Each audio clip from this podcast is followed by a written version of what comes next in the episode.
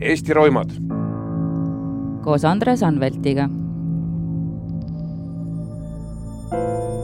Eesti roimad on taskuhääling, kus Andres Anvelt ja Postimehe ajakirjanik Dagmar Lamp räägivad Eestit raputanud kuritegudest ja siin jõhkrutsenud roimaritest. oleme jätnud endale vabaduse kannatanute kaitseks teatud detaile muuta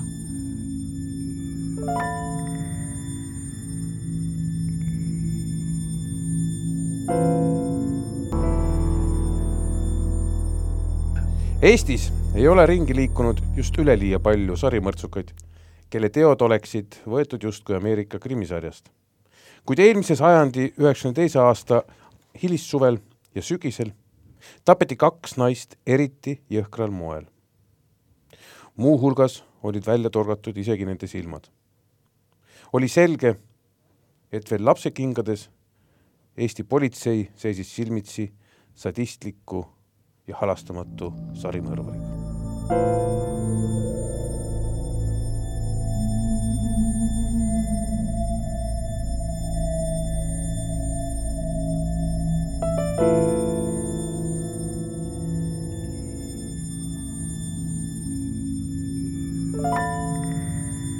tere taas kuulama Eesti Roimade podcasti. Eesti Roimad koos Andres Anveltiga. mina olen Postimehe ajakirjanik äh, Dagmar Lamp ja minuga on stuudios loomulikult Andres Anvelt, temata ei saaks seda saadet teha. võid tere öelda? tervist, kallid kuulajad! ja lisaks meil on täna külas Michelle Rannala, kes on endine Tallinna linna politsei prefektuuri isikuvastaste kuritegude talituse töötaja ehk siis mõrva, mõrvavend. jah. pigem mõrvauurija. mõrvauurija. mõrvauurija, jah täna me võtame ette sellise roimari, nagu on, ei, ärme ütle, kes ta on. Tegelikult pealkirjas on ju olemas, kes ta on. aga sündmused hakkavad siis eelmise sajandi lõpupoole, tuhande üheksasaja üheksakümne teisel aastal, kaheksateistkümnendal augustil, kui juhuslik möödakäija leidis Tallinnast Tehnika tänava ja raudtee vahel asuvalt haljasalalt alasti noore-naise laiba. Ja kusjuures iga kord, kui ma sealt mööda sõidan, ma mõtlen selle peale, et see on ikka täiesti pöörane. ja, ja mis oli nagu eriti-eriti rõve, et tapetul puudus parem silm, vasak oli vigastatud, näol oli kolm lõikehaava, kaelal olid kägistamise jäljed ja laiba kõrvalt leiti äh, teksad, aluspüksid, keha ümber oli järkroheline vöö ja ohvri tuvastamiseks äh, kulus nädal aega, selgus, et tegemist on kahekümneaastase kodupere naise Anna Saitsevaga. Aga kui me nüüd äh, lähme sinna aega, siis äh, Michelle, kuidas sina olid sellega seotud? ütleme nii, et äh, täpselt see, sama vana olin ka mina kui Anna Saitseva ja ütleme, mäletan, et äh, sel ajal oli jube raske tuvastada inimest, kuna kõik ju oli ainult meedia tasandil pluss operatiivtöö käigus. Ja mäletan, et me veel nädal aega käisime mööda neid sündmuskohti, otsisime lisaks igasuguseid riideesemeid, krimeerisime Anna Saitsevat, et äh, kajastada meedias ja televisioonis, et tuvastada teda, jah.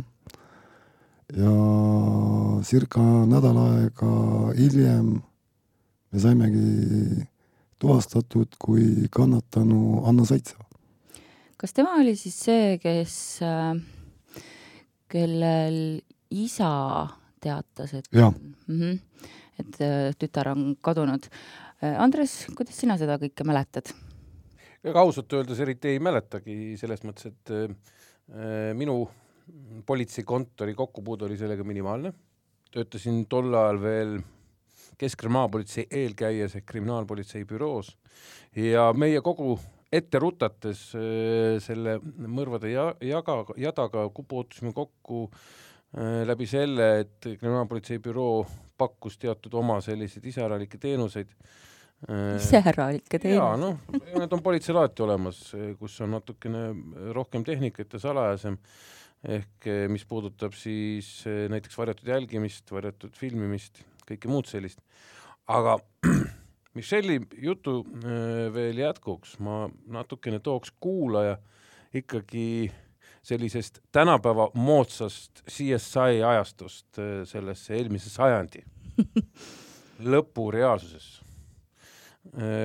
siis ei käidud sündmuskohtadel valgetes kostüümides nagu ufonaudid, ei mõeldud eriti selle peale, kuidas võib toimuda osakeste ülekandumine ühelt inimeselt teisele, ei oldud isegi kuuldud, ma arvan, sellisest asjast nagu DNA ekspertiis või siis, kui keegi oli seda kuskil filmis näinud või äh, mõnest targast äh, välismaa politseiõpikust lugenud, et kuskil Marsi peal niisuguseid asju tehakse.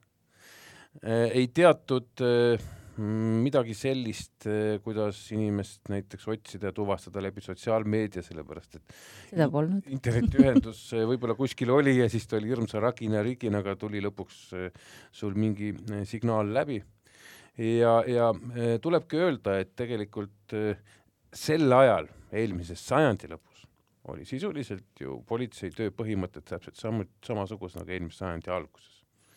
suurim saavutus oli sõrmejälg, sõrmejälg aitas ainult siis, kui see inimene kuskil kunagi on olnud kinni peetud ja ka siis me ei saa rääkida sõrmejälje sellisest tuvastamisest, et äh, sa paned käe näpu äh, kuhugi äh, arvutisse, mis skännib ära ja siis läheb kuskile kartoteki sorima läbi sellise moodsa asja nagu Ahvis programm, siis tehti sõrmejäljest numbriline kood. issand Jeesus. inimesed kuhugi lõpmatusse arhiivi, kus nad sorisid vahest kuid, et leida selle inimese vastav sõrmejälg ja siis alles ekspert hakkas seda luubiga uurima. nii et kõik on nii, nagu äh, isegi ma pakuks välja üheksateistkümnenda sajandi lõpul äh, kriminaalpolitsei oma äh, samme hakkas käima ja ainuke asi, mis äh, neid inimesi iseloomustas ja kindlasti, mis sellest räägib, oli äh, selline asi nagu operatiivtöö iseärasused ehk siis selline äh, operatiivtöö arukus äh, ja äh, info kogumine ja kindlasti äh, oskus inimestega suhelda, inimestega rääkida, mis on tihtipeale tänases kriminaalpolitseis võib-olla tahaplaanile jäänud kõigi selle suure tehnilise revolutsiooni kõrval. noh, sel ajal oli üks selline kuldne noh, vanasõna, et operatiivtöötajad toidavad jalad. Täpselt niimoodi. Teisi asju öeldakse ka selle kohta, mida kiired jalad peavad jagama, kui pea ei jaga. Aga siin äh, mul on välja toodud äh, saatest eluaegsed, äh, Toomas Tomberg iseloomustas toonast mõrvagrupi tööd niimoodi, et kasutada oli üks auto ja bensiin oli kogu aeg otsas. Ja viisteist politseinikku käis ümbruskonnas küsitlemas ja ülekuulatuid kogunes kümme tuhat, see on täiesti pöörane, ma saan aru, et sina olid siis üks neist viiekümnest, Michelle. Mm. -hmm autot ei olnud, lints oli otsas. mina olin äh, siis noor inimene, mina sõitsin trammi, trammi, bussiga. Kas sa olid vormis siis või olid ei, ei, ei. erariietuses, okei. Okay.. peab ühe asja veel. Mainima ajalooliseks äh, täpsustuseks.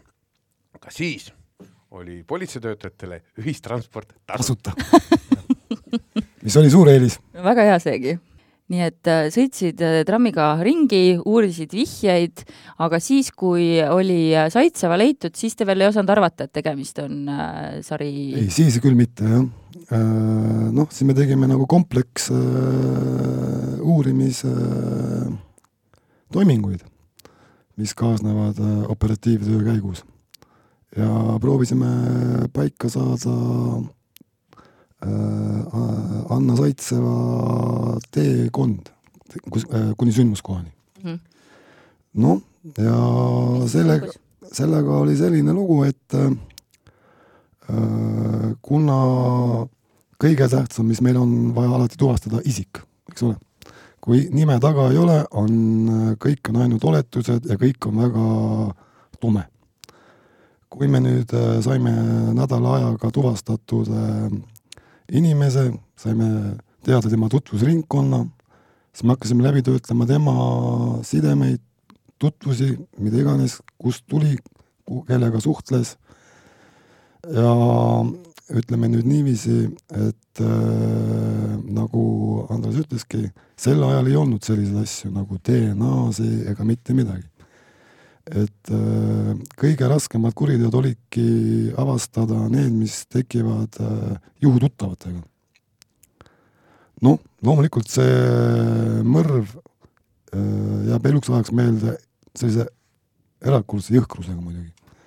et ja oleme ausad, ega me töötades läbi kõik need sidemed, erinevad versioonid, ega me selle asjaga nii kaugele ei jõudnud, et oleksime mingile konkreetsele jäljele sattunud. aga ma küsin vahepeal, et ka kuulajale, mul endal oleks ka nagu arusaadav ja meil Dagmariga, et aga ikkagi, kuidas eh, see Saitseva isik eh, lõppude lõpuks, ma saan aru, see võttis tükk aega, aga kuidas selle isiku saite selgeks tehtud, kas siis läbi selle meedia hakati läbi meedia, ütleme, oleme ausad, et läbi meedia äh, me tegime erinevaid näogrammeeringuid, et äh, võimalikult äh, selgemalt välja tuua inimese pilt. sest ta nägu oli moonutatud, eks kurjategija poolt, jah.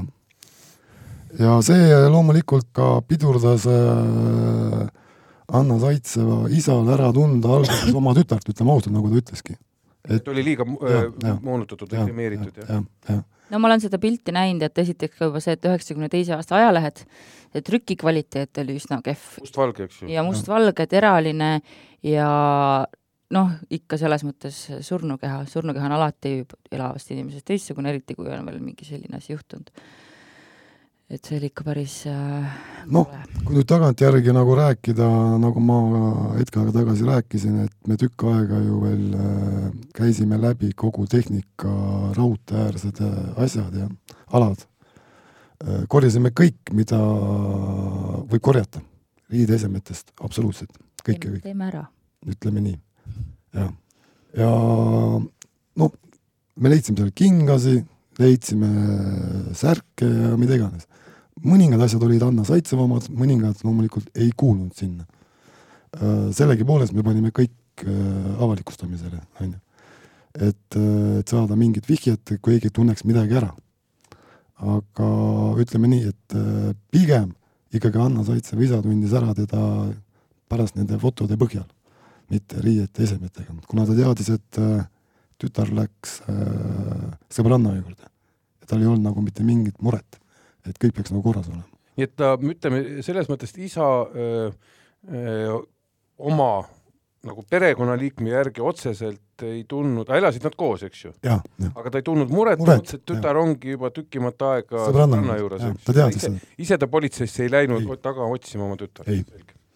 aga mis siis äh, uurimise käigus selgus, millised need Anna viimased hetked olid, et nagu sa ütlesid, see oli juhututvus noh, äh, kui me jõuame nüüd sündmustest nagu ette, jah, siis jah, see kõik on juhututvus, mis viis sellise traagilise lõpp, äh, kuna ta tutvus meesterahvaga ja nad liikusid koos Mustamäe poole, siis äh, vestluse käigus, ütleme nüüd niiviisi, oli, olevat tekkinud neil sellised sõnalised või mida iganes arusaamatused kes konkreetselt nüüd ma ei mäleta, ole, tegi nagu ettepaneku äh, astuda või sugulise akti või kuidas ma ütlen seda äh,? vahekorda. vahekorda, jah.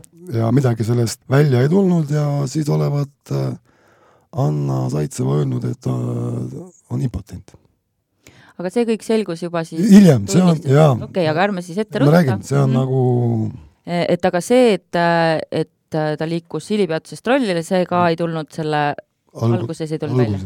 olgu, aga liigume siis oktoobrisse, kui kahekümne kaheksandal oktoobril üheksakümmend kaks leidis juhuslik möödakäija Tihase tänavalt öösel üliraskelt vigastatud noore naise, kellel olid siis sarnased vigastused, äh, silmad olid välja torga-, torgatud, alakehasse oli lükatud puust kepp ja kahjuks naine haiglas äh, öösel kell pool viis ka suri ja siis oli ilmselgelt ju selge, et äh, seos on olemas ja et kellelgi on niisugune kindel jõhker käekiri ja ka siin läks aega kaks nädalat, enne kui isik tuvastati. täpselt nii ütleme nüüd selle sündmuskoha kohta. ma vaatan, et siin on hoopis mul kirjas, et siin isa, isa tundis huvi, et teadis, et on, tegemist oli siis Irina Lebedevaga, et võib-olla me ajasime Oi. siin äh, sassi, jah? jah, see on sassi mm, -hmm. jah no selge, aga, aga siis Irina puhul oli see, et oli teada, et Ja, ta oli sõbratari juures ja isa Ja, tundis ja. ära, aga temaga siis samamoodi talitasite, et tegite meike, mm, -hmm. ja, aga Irina Lebedeva mõrva suhtes võin öelda, et äh, see oli selles mõttes niisugune erakordne sündmuskoht, kus isegi meditsiinitöötajad, nähes nii võikas, võika, võikat sündmu-, sündmuskohta, nii mõnigi oksendas, ütlen otse välja. ma ei kujuta ette, tõepoolest äh,. See oli nagu jah, see, see peale seda oli kõik selge, et, et äh, väga sarnane kä-, käekiri Anna Saitseva mõrvaga ja need kaks kriminaalasja siis pandi nagu ühe, ühte kokku ja moodustati siis nagu üks suur äh, uurimisgrupp või Mm -hmm. palju sinna inimesi kuulus? No alguses oli neid muidugi loomulikult rohkem, sest äh, alati kõige tähtsam aeg on kuumadel jälgedel äh, asjade avastamine äh,. siis kuulati üle kogu Mustamäe piirkonnas, tehti korterküsitlus, juba sellesse oli ka äh, kaasatud, noh, ma pakun välja jah, viiskümmend, kaheksakümmend politseinikku, kes käisid päevast päeva, õhtust õhtusse või mida iganes, laupäevad, pühapäevad, kõik need Mustamäe korterid läbi. keegi oli siis ka midagi näinud, kuulnud? ütleme nüüd niiviisi, et ilmus sealt äkki mingeid muid vihjeid mingite muude kuritööde kohta? täpselt, vot seda, seda tuli nüüd nagu saevändrast saevändrast palju. jah, saevändra, nagu Vändra Aveli ja Saevändra. see on päris huvitav, eks ole, et kui minna niimoodi ukse taha küsima, et kas te sellest teate, ei, aga tean sellest. jah, ei no seal on niisugune äh, huvitavaid äh, asju koorus välja, aga mitte, mitte seda, mida oli nagu asja eesmärk, jah, ütleme nüüd nii. nii nagu iga tapmise juurde tehakse ju lahkamine, eks ole, et teada saada, mis on inimene söönud, mida iganes, alkoholi tase ja nii edasi, nii edasi. Tema vigastuste aste ja nii, noh, see on puht operatiivtöö ja selle andmete põhjal saab teha mingisuguseid äh, järeldusi. ma mäletan hästi, et Irinaga oli see, et ta oli kusagil söönud šašlõkki ja siis me hakkasime nagu otsima selles rajoonis, kus on võimalik äh, süüa või šašlõkki, jah. kuna Mustamäel selles rajoonis, kus ta leiti, ei olnud nagu, siis me jõudsime välja kuni Koplisse Balti jaama. seal juhtus selline situatsioon, et me hakkasime nagu seda kõik, kuna see on kõige lähemal sellele sündmuskohale, jah, hakkasime nagu seal nagu käima ja silma peal hoidmas. siis me leidsime mingi aja möödudes ühe tunnistaja, kellele meenus antud fotode järgi äh, Irina Liebedeva ja siis me hakkasimegi teeme sellesama äh, inimesega olema seal. kas te sõite palju šašlõkki selle aja jooksul? no ega ei söönud, ütlen päriselt. palju šašlõkki ei söönud. aga noh, me istusime, rääkisime juttu ja nii edasi, nii edasi. ja siis me saime vihje, et äh, et arvatav inimene on Igor ja ta pidi töötama sadamas selline väga-väga vähe levinud nimi. jaa, aga kuidas, ma küsin ikkagi selles mõttes natuke täpsustuseks. et eh, muidugi sellest on väga palju aega mööda läinud ja, ja sa ei pruugi mäletada, aga eh, kui me nüüd räägime sellest, et eh, te jõudsite sellesama šašlõki baarini, mis oli siis Balti jaamas, ma isegi kujutan ette, isegi silme ees on, mis koht see võis olla, tänapäeval on neid mitu, aga siis oli seal üks, üks täpselt on niimoodi see senimaani alles? minu meelest otseselt sellist ei, Ei ole, ole. ei ole kindlasti, ta on ka ikka muutunud, vaata Balti jaamal on turg ilus ja kõik puhas.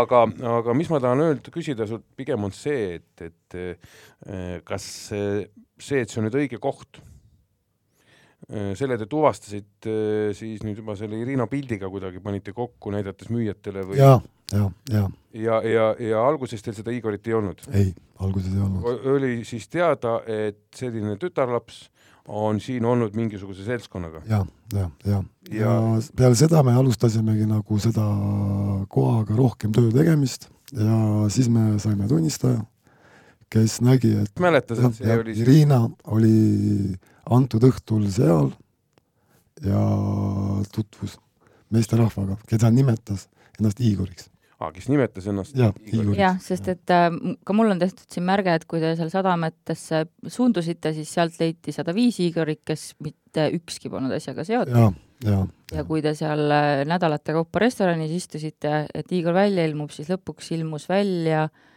ai, ilmuski välja keegi Igor ja tema kaudu jõuti ja, siis ja, lõpuks. Vladimir Denetovini. et te üldse aru saaksite mm, aga hoopis Vladimir ju töötas sadamas, et sealt oli see segadus siis Jaa. mm. -hmm. jah, ja, ja, ja et te nüüd aru saaksite, et sel ajal kõik käis ju käsitsi, eks ole, on ju, ja see sada viis Igorit, mis nüüd äh, välja ilmus, nendega pidi kõik ju hakkama vaikselt tegelema. Vanusegruppidega sai kõike välja praakida, eks ole, on ju, -hmm. see summa nagu äh, kogus nagu väheneb. aga kuna ütleme nii, et, et need kaks mõrva olid sel ajal väga kõrgetasemelisel kontrolli all, jah, siis äh, need vanusegrupp, mis nüüd välja äh, jäi uurimise alla, ütleme nii, oleks pidanud sada protsenti välistama inimese, et see ei ole see Igor, eks ole Mm -hmm. Töö käis paralleelselt, et äh, osad inimesed tegid kontrolli, taustakontrolli ja nii edasi, nii edasi, nii edasi ja osad töötasid äh, nüüd Balti jaama sellesamase restorani juures kogu aeg, et tuvastada seda Igorit, kas ta käib seal või nii edasi, nii edasi. kusjuures äh, sel ajal ei olnud nii veel niiviisi, et Igor ja pilt tööankeedi peal alati Mm -hmm. mõnda Igorit pidi üldse sõitma passilaudadesse tooma pilte ja kõiki asju üle Eesti. selles mõttes äh, tänapäeval, nagu Andrus ütles, et äh, arvuti lahti ja kõik info tuleb, sel ajal ei olnud niisuguseid asju. said passilauas, said mustvalge selle mm, passipildi ja üks asi, mis on jälle oluline, oluline, oluline aru saada, kui vaadata nüüd sisse ähm, kuidas tol ajal tööga käis, üldse selle asja puhul, ma arvan, et et see probleem oleks ka täna olnud, et kui me nüüd jälle natukene ette ruttame, siis tuleb aru saada, et politsei, kui teeb taustakontrolli, siis ta äh, paneb kõrvale need, kes pakuvad huvi oma mingisuguse mineviku pärast kas nad on olnud karistatud mingisuguste näiteks vägivaldsete tegude eest, mingisuguste seksuaalkuritegude eest, kas nad on kuidagi teistmoodi arvel politseis, need on esimene grupp, varem karistatud näiteks või, või kinni peetud. ja nagu me ette rutates võime öelda tegelikult, et antud kaasuse puhul see inimene nendesse gruppidesse sisuliselt langenud. tema oleks tegelikult esimeses isegi kui tema, temal oleks jõutud, ütleme, sellesama välistamise käigus, siis ta oleks välistatud. nii et, et, tegelikult sealt äh, on päris suur jälle ringiga minek, et mm, -hmm. et mulle ta omal ajal kõrvaltvaatajana, nagu ma alguses ütlesin, ma ei puutunud seda kokku äh,, selle Denetoviga tekkis mul kohe paralleel kunagi aastaid hiljem, kui ma õppisin Ameerikas ja, ja puutusin kokku väga palju näidismaterjali sellise inimese nagu kuulus see sarimõrva Ted Bundy, kes oli ka korralik pereinimene ja kõik muud. nii et, et see on nagu seda inimest iseloomustav asi, aga ma küsiks Michelle sult natukene veel ühte asja. kui te, kui sa nüüd selles uurimisgrupis olid kas te vaatasite ka minevikku, sellepärast et kui äkki toimuvad sellised väga jõhkrad mõrvad, siis ju vana selline politseitöö reegel, et tuleb ju kohe heita pikk pilk minevikku. minevikku, jah. et kui me siin eelmistes saatetes, saadetes rääkisime Ustimenkost, siis ka tegelikult ju siis, kui hakkasid asjad kulmineeruma, siis vaadati ka minevikku. ehk siis kas minevikust midagi tulnud? ei, versiooni kohaselt loomulikult versioone pandi ju erinevaid ülesse. kõiki, kas noh, tutvusringkonnast, sarnaste kuritegudega varem kokku puutunud isikute ringkond, eks ole. isegi jõudsime välja isegi, et järsku hullumajast on keegi jooksu pannud. et nii, eriti sadistlik käekäiguga mõrv, eks ole. et versioonid olid äh, hästi palju ja, ja ma nüüd ei hakka nüüd äh, valetama, aga ma ei mäleta, palju neid äh, vene keeles nimetati neid tommideks, noh, neid to, toimikud. toimikud jah, eesti keeles et no neid, palju neid ma ei mäleta küll seda numbrit, aga see laud oli täis, ütleme nii. ja mitte ühe, ühes reas, aga kahes tööd sai läbi tehtud ikka väga-väga suures äh, mahus. aga see kuhugi ei viinud. ja mitte kuhugi ei viinud. ei no aga lõpuks ta ikkagi tasus ära, et kui see Igor, Igor, õige Igor lõpuks välja ilmus, jah, ei, loomulikult äh,, aga noh, see ongi nagu selle töö, ütleme, võlu tegelikult äh, valu. ja valu. ja sealt tuleb ka see väljend, et äh, negatiivne tulem on ka positiivne tulem, jah, sa välistad midagi. jah. mm. -hmm. aga no ma ütlen, et siin lihtsalt seesama äh, äh, kuulajatele ja, ja ka Dagmarile aru saada. ehk tegelikult ma ütlen, et see töö, mis on klassikaline, mis tuleb, nagu öeldakse, by the book Mm -hmm. raamatust, kõigepealt sarnased kuriteod, kõigepealt sa- sama rajooni s- elavad mingisugused äh, puhkusel olevad sarimõrvarid ja nii edasi, nii edasi, nii edasi. Ja, ja, ja need hakatakse siis äh, läbi töötlema, nagu öeldakse. Äh,, vajadusel tegema nendega igasuguseid selliseid ka näiteks operatsioone ja jälgimisi ja kõiki muid asju, siis sealt ei tulnud. Šašlõkk oli see, mis Jah. viis tegelikult täpselt.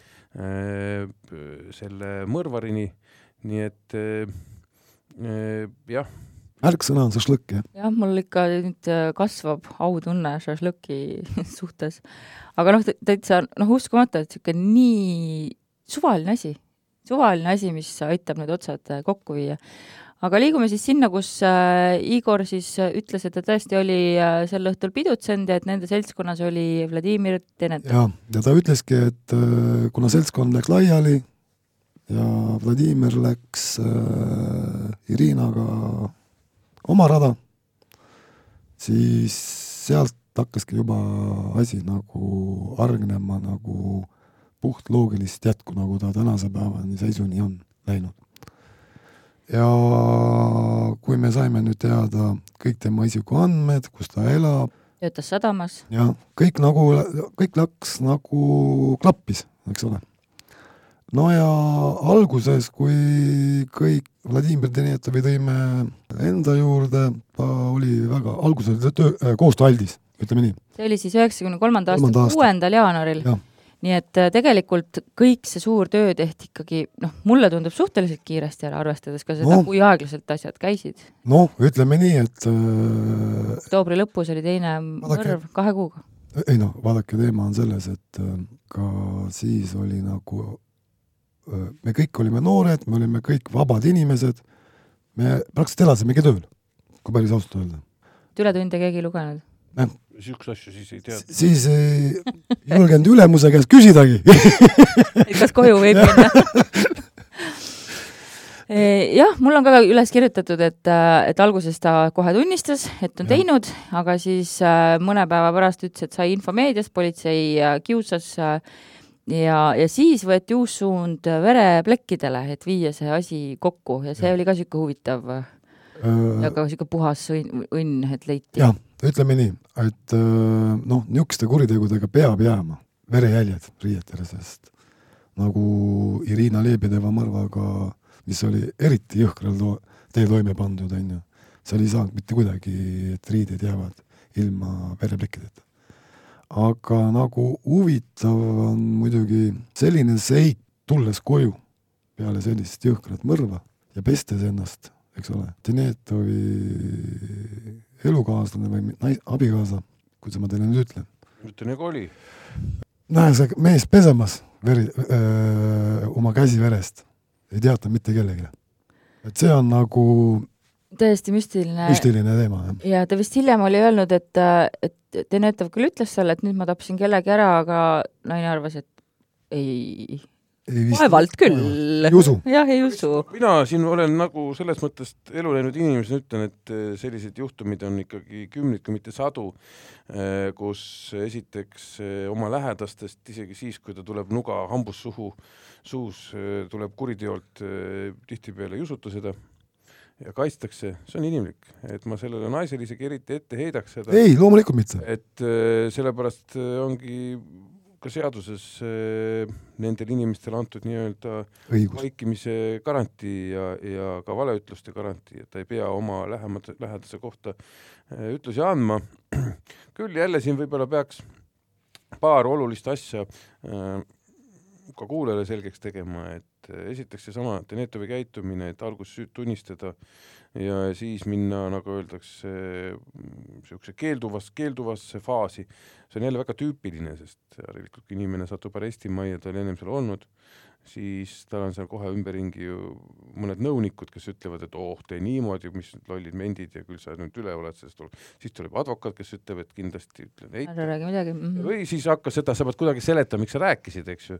ja, ja seetõttu siit me jõuamegi selles, selleni välja, et, et ühtepidi, ühtepidi eh, selliste raskete, eriti noh, ma ütleks niimoodi, et sarimõrvaritel iseloomulike kuritegude sooritamisel on kindlasti vaja alati saati väga palju mm, meediaabi, aga see meediaabi on ka see, mis loob kaitsetaktika pärast, öeldakse, et ma lugesin selle lehest. siin tulebki nüüd vaadata alati seda väga selgelt, mis on meediale öeldud ja vaadata seda, mida siis räägib see kurjakas, et kui ta ütleb, et on meedias saanud midagi, siis saab väga selgelt seda ümber lükata näiteks mõnede asjade puhul, et seda meedias ei olnud. ei olnud, jah ja, ja võib-olla viimane üks asi selle vereplekkidega ka jälle, ma ütlen, et, et äh, nüüd äh, pea kõigile, võib-olla siis nendele inimestele, kes mõtlevad äh, tulevikus pahale teele minna, siis ma võin teid lohutada, et äh, isegi noh, üks ainukene asi, mis aitab suuresti vereplekkide eemaldamise vastu, on tuli et kui te põletate need riided ära. kusjuures ma just mõtlesin, nii kui Michelle, sa rääkisid, et et need vereplekid pidid kuhugi jääma ja ma mõtlesin, et ju see pidi olema see, et on üheksakümnendaid polnud riideid kuskilt võtta, et miks ta ei põletanud neid ära või ära ei visanud no.. Et noh, lõpuks siis leiti siis jope varruka voodri siseküljelt verd, mis ja. läks kokku Irina mm -hmm. verekupiga, jah. ja mitte isegi ju DNA-ga, eks. ei no veregrupp, see on, tähendab seda, et eh, jällegi, et see on kaudne tõend. oleks naisel olnud sama veregrupp, oleks saanud seda kasutada. mida iganes, mida iganes mm. -hmm. et eh, tegelikult. aga noh, midagigi Äh, midagigi muidugi, see tähendab äh,, annab kaudse tõendi selle kohta, et see veri võib olla selle naisterahva oma, aga ta ei ütle kindlalt, et see veri on selle naisterahva oma mm. -hmm. erinevalt DNA-st. nii, ja räägime siis natuke ka sellest, kes äh, Denetov oli, et äh, vahistamise hetkel oli ta kahekümne kuue aastane, sündinud kahekümne kolmandal märtsil kuuskümmend kuus Uljanovski, Uljanovski. Uljanovski. jah, oblastis. ja vahistamise hetkel töötas Kesklinnas sadamas dokitöölisena, aga lahedal kombel oli temaga õppinud äh, merekoolis madruseks, Ustimenko oli meil küll mitte madruseks, vaid minööriks. jaa ja,, aga ka merekoolis. merekool. merekool, sealt tulevad väärt mehed. nagu verekool, aga noh ja abielus elas Sõpruse puiesteel, nii et niisugune Mustamäe killer ja, siis, jah? kusjuures nagu ütleme nüüd äh, üldiselt teda äh, igal pool töö juures äh, iseloomustati teda igal pool kui väga korralikku ja positiivset ja töökat inimest mm. -hmm, aga samas ka tõenäoliselt see teine pool oli tal ju olemas. ja ütleme nii, et, et äh, eks see teine pool oli alkohol, mis viiski tegelikult äh, noh, jah, see teine pool on alkohol, kus kutsus välja tema selle metsikuse või, või, või selle hälbe mm. -hmm. mul on üks tema enda tsitaat välja kirjutatud. koolis tegelesin palju spordiga, maadlusega, langevarjuspordiga, ujumisega ja et mõrva siis ta põhjendas niimoodi. Ma ei olnud alkohoolik, mulle lihtsalt meeldis juua, aga kui jõin, siis ikka korralikult, mitte pitsi või kaks. üksi ma ei joonud, ikka sõpradega koos, aga kui juba olin korralikult purjus, siis eraldusin teistest ja sellised tagajärjed. ja ta oli käinud ka Afganistanis, äh, et siin on äh, samuti saates eluaegsed äh, kohtunik Särgava siis spekuleerinud, et ehk Afganistan ja seal, sealsed siis traumad kuidagi mängisid nagu rolli, et see toonane Afganistani sõda, see kõige esimene vist või kuidas siis öelda, oli ju ikkagi päris jõhker ja et äh, aga ma saan aru, et kohtuistungil ta ise sellest ei rääkinud, aga nüüd me vist jällegi äh, ruttame ei. natuke ette ei no eks kindlasti iga inimesele jätab mingisugune ajajärk ja mingisuguse jälje, eks ole. ja ütleme, ega keegi meist ei tea, mis seal Afganistanis ta läbi elas, eks ole, on ju. Mhm. Et äh, võib-olla mingi märk tuli tal, jäi külge, seal mingisugune probleem, mingisugune äh, mis kandus nagu nüüd alkoholiga võimendas, on ju, see viha äkk, äkkseis kui äh, ütleme nüüd need antud juhtumid Anna Saitseva ja Irina Lebedevaga vestluse käigus kuidagi tema mingit kompleksi puudutas nii sügavalt alkoholijoobes, see silme eest lõi mustaks. jah, läks silma eest mustaks ja vot käituski nii eriti jõhkralt, ütleme nii. aga see silmadega ongi ju see huvitav asi, mis siis selgus äh, ilmselt siis tema enda ülestunnistuse ja, käigus, et miks ta siis need silmad välja torkas?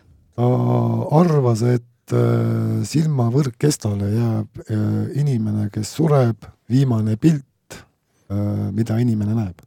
seda on proovinud äh, kriminalistid äh, juba üheksateistkümnendal sajandil äh, tuvastada, aga noh, see ei ole siiamaani kuidagi äh, Äh, leidnud mitte mingisugust tõendust, aga väga paljud inimesed arvavad niimoodi. see on tore, et ta üheksakümne kolmandal, üheksakümne teisel aastal seda arvas ajal, kui politseil ei olnud, oli üks auto ja ei olnud bensiinigi. politseil oli rohkem autosid, aga meil oli üks auto nii et, äh, et kui ma seda kuulsin, seda väikest fakti, et kuidagi väga raske, eks ole, ongi seda afekti või, või seda psühhoosi konkreetset seisundit ju mõista, kui inimene, ma ei tea, kas see ongi afektiseisund üldse, ei ole vist õige öelda, aga, aga nojah, et, et mida sa siis kõike seal tegema hakkad, et kuidagi oma jälgi segada või, või põletanud siis riided ära? ei no, no kuidas siin nüüd öelda, et esiteks äh, äh, oma riided põletada, jah, see oleks võinud olla üks võimalus, aga aga teine asi oli see, et, et äh, me kunagi ei tea selle kurjategija äh, neid hetki, mis ta elab üle peale seda, kui ta on oma peale kuritegu kaineks saanud ja kõiki muud asjad.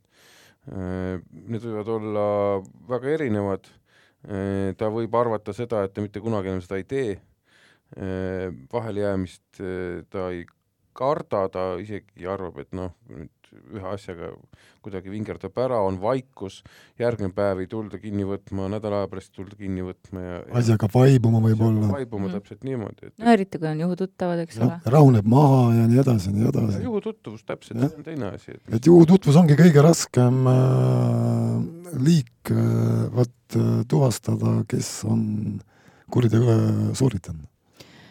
aga kui me nüüd äh läheme tema karistuse juurde, siis äh, see sattus siis selle veidra õigusaugu aja peale, kui meil ei olnud enam surmanuhtlust, aga polnud veel eluaegset karistust. õigemini surmanuhtlus oli, aga lihtsalt ta oli äh, siis peatatud äh,, kuna Eesti oli juba ühinenud, kui ma ei eksi, siis Euroopa Nõukogu äh, ühe sellise äh, siis määrusega või, või, või konventsiooniga, konventsiooniga täpsemini, äh, mis siis tegelikult pani moratooriumi surmanuhtluste elluviimise peale, et me liikusime Euroopa suunas, äh, aga meil kehtis veel tegelikult. ta oli Eesti Vabariigi kriminaalkoodeks juba, aga aga äh, mis oli sisuliselt ju copy-paste või sisuliselt sama, mis oli Eesti NSV kriminaalkoodeks.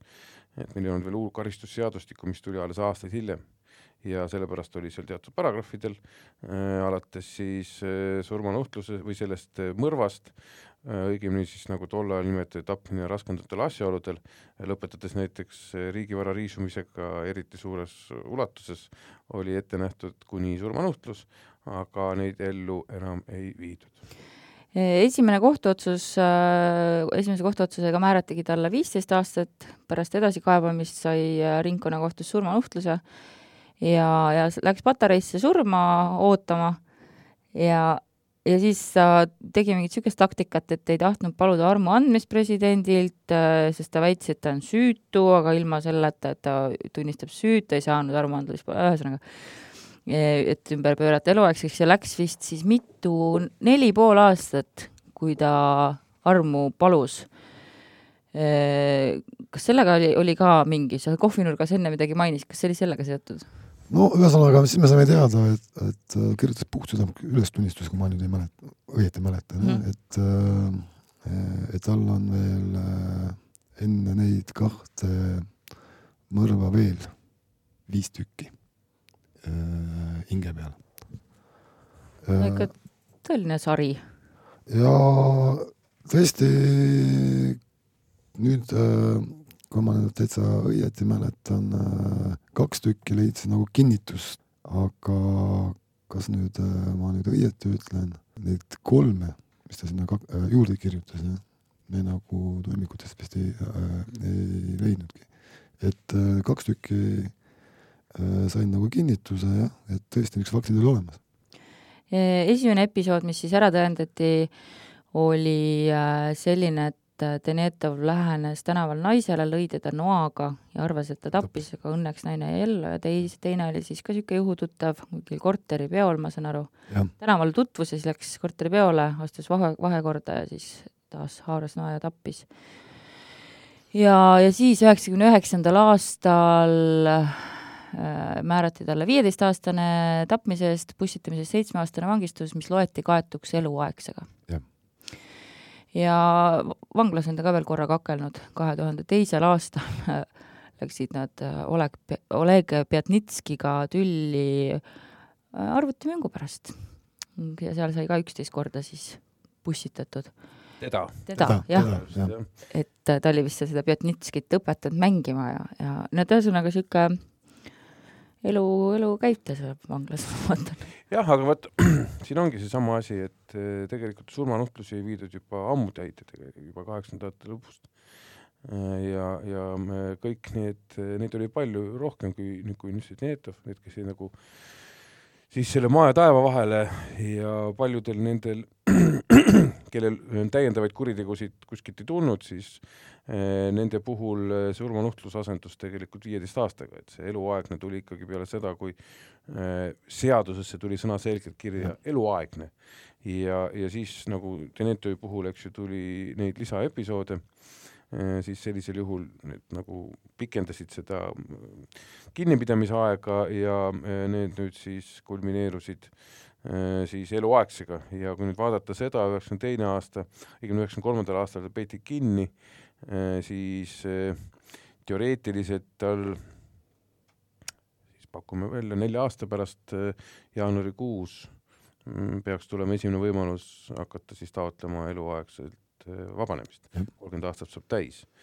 aga noh, see sõltub väga palju siis juba tema taustast vanglas ja ka sellest, kuidas kohus sellesse suhtub. ma arvan, et mõnede inimeste puhul see kolmkümmend aastat isegi on õigustatud, aga äh, väga paljude puhul jääb ikka küsimärk ülesse, sest kui me vaatame nüüd sellesama Denetovi tausta, siis äh, selline vägivaldsus ja, ja sügav inimvihkamine, mis tal sees on, eriti naisterahvaste osas, äh, see võib ju küll vanglas peitu pugeda. sest seal pole ju nii no. palju mm -hmm, jah, jah, aga, aga mis, kuidas see välja tuleb kuskilt, seda me kunagi ei tea, sest veel kord rõhutan, et noh, kui me räägime nagu sellest Afganistanis mooseb, võib-olla, on ju, et noh, siis on kolmkümmend aastat, mis siis inimene endasse viha või mida iganes on kogunud, on ju, noh, kuidas nüüd see äh, vallandub, kui ta nüüd on jälle ühiskonnas. ühiskonnas, kus tal on väga raske äh, integreeruda, sellepärast et see ühiskond on muutunud ja muutunud ju äh, kohutaval kiirusel. kohutaval kiirusel, eks ole. täpselt nii, ja ma vaatasin huvi pärast siin, kui ma lugesin tema elulugu, tuletasin meelde, kui ta oli kuuskümmend kuus, on ta sündinud, siis ta oli Afganistanis tegelikult selle äh, kaheksateistaastaselt Afganistanis. Äh, jaa, ja selle sõja ühe kõige verisemal perioodil muideks mm, -hmm. see oli paar aastat ennem seda, kui Vene vägesid hakati sealt välja tooma, see oli just sellel ajal, kui Dushmanit või siis ütleme, Taliban sai endale Ameerikas Stingerid ja hakkasid sellega alla tulistama Vene helikopterid äh, ja väga palju Vene sõdurid, Nõukogude sõdurid sai surma. Ja, ja siis äh, tekkis ka teistpidi see vägivaldsus jälle afgaanide suhtes ja tema sattus just sellesse kõige vägivaldsemasse perioodi, nii nagu ajaloolased ma tunnen ka ühte kuuekümne kuuendal aastal sündinud meest, kes oli kaheksateist, kui ta Afganistanis käis ja äh, ja veel siis kaheksateist aastat hiljem, kolmekümne kuue aastasena oli tal äh, vahepeal öised niisugused episoodid, kus ta haaras püssi ja jooksis lihtsalt äh, hoovi peal ringi ja perekond oli suht nagu hirmunud, nii et, et see on ikka päris pöörane, mis sealt jääb. aga ma küsin lõpetuseks, Michelle, et äh, et mis, mis oli siis sinu, sinu kui noore politseiniku jaoks selle juhtumi juurest see üks kõige olulisem õppetund, mida sa oled edasi oma karjääri võtsid? No ütleme nüüd niiviisi, et, et äh, sel ajal, kui mina, mm, ma olin tõesti väga noor politseinik ja mul on jumala elus vedanud ja selle aja, ajajärgus on mul eriti vedanud, et mul olid sellised õpetajad sel ajal. sellised inimesed nagu Ilmar Vahtra ja siis äh, Vladimir Kulikov, jah, kes ütleme nüüd äh,, kelle kõrval mina vot oma elus esimese sellise suure asjaga kokku puutusingi, sellise suure asjaga. ja selle, selle asja käigus, mida ma õppisin kindlasti, on see, et väga palju loevad väikesed detailid ja nüansid mm. -hmm. kui sa suudad neid kokku panna, siis on võimalik jõuda ka suure pildini. ma arvan, et see on väga hea õppetund, mida ka ülejäänud elus saab kasutada ja see on väga hea noot, kus sa saade kokku tõmmata. aitäh sulle, Michelle, et sa meiega rääkima tulid nendest võigastest asjadest, mis toona aset leidsid. aitäh sulle, Andres, et sa jätkuvalt minuga oled siin stuudios ei ole mind veel hüljanud ja Eesti Roimad on taas eetris kahe nädala pärast, nii et leidke meid Postimehe raamatuveebist või siis SoundCloudist Eesti Roimad ja kuulmiseni! Kuulmiseni! nägemist! Eesti Roimad! koos Andres Anveltiga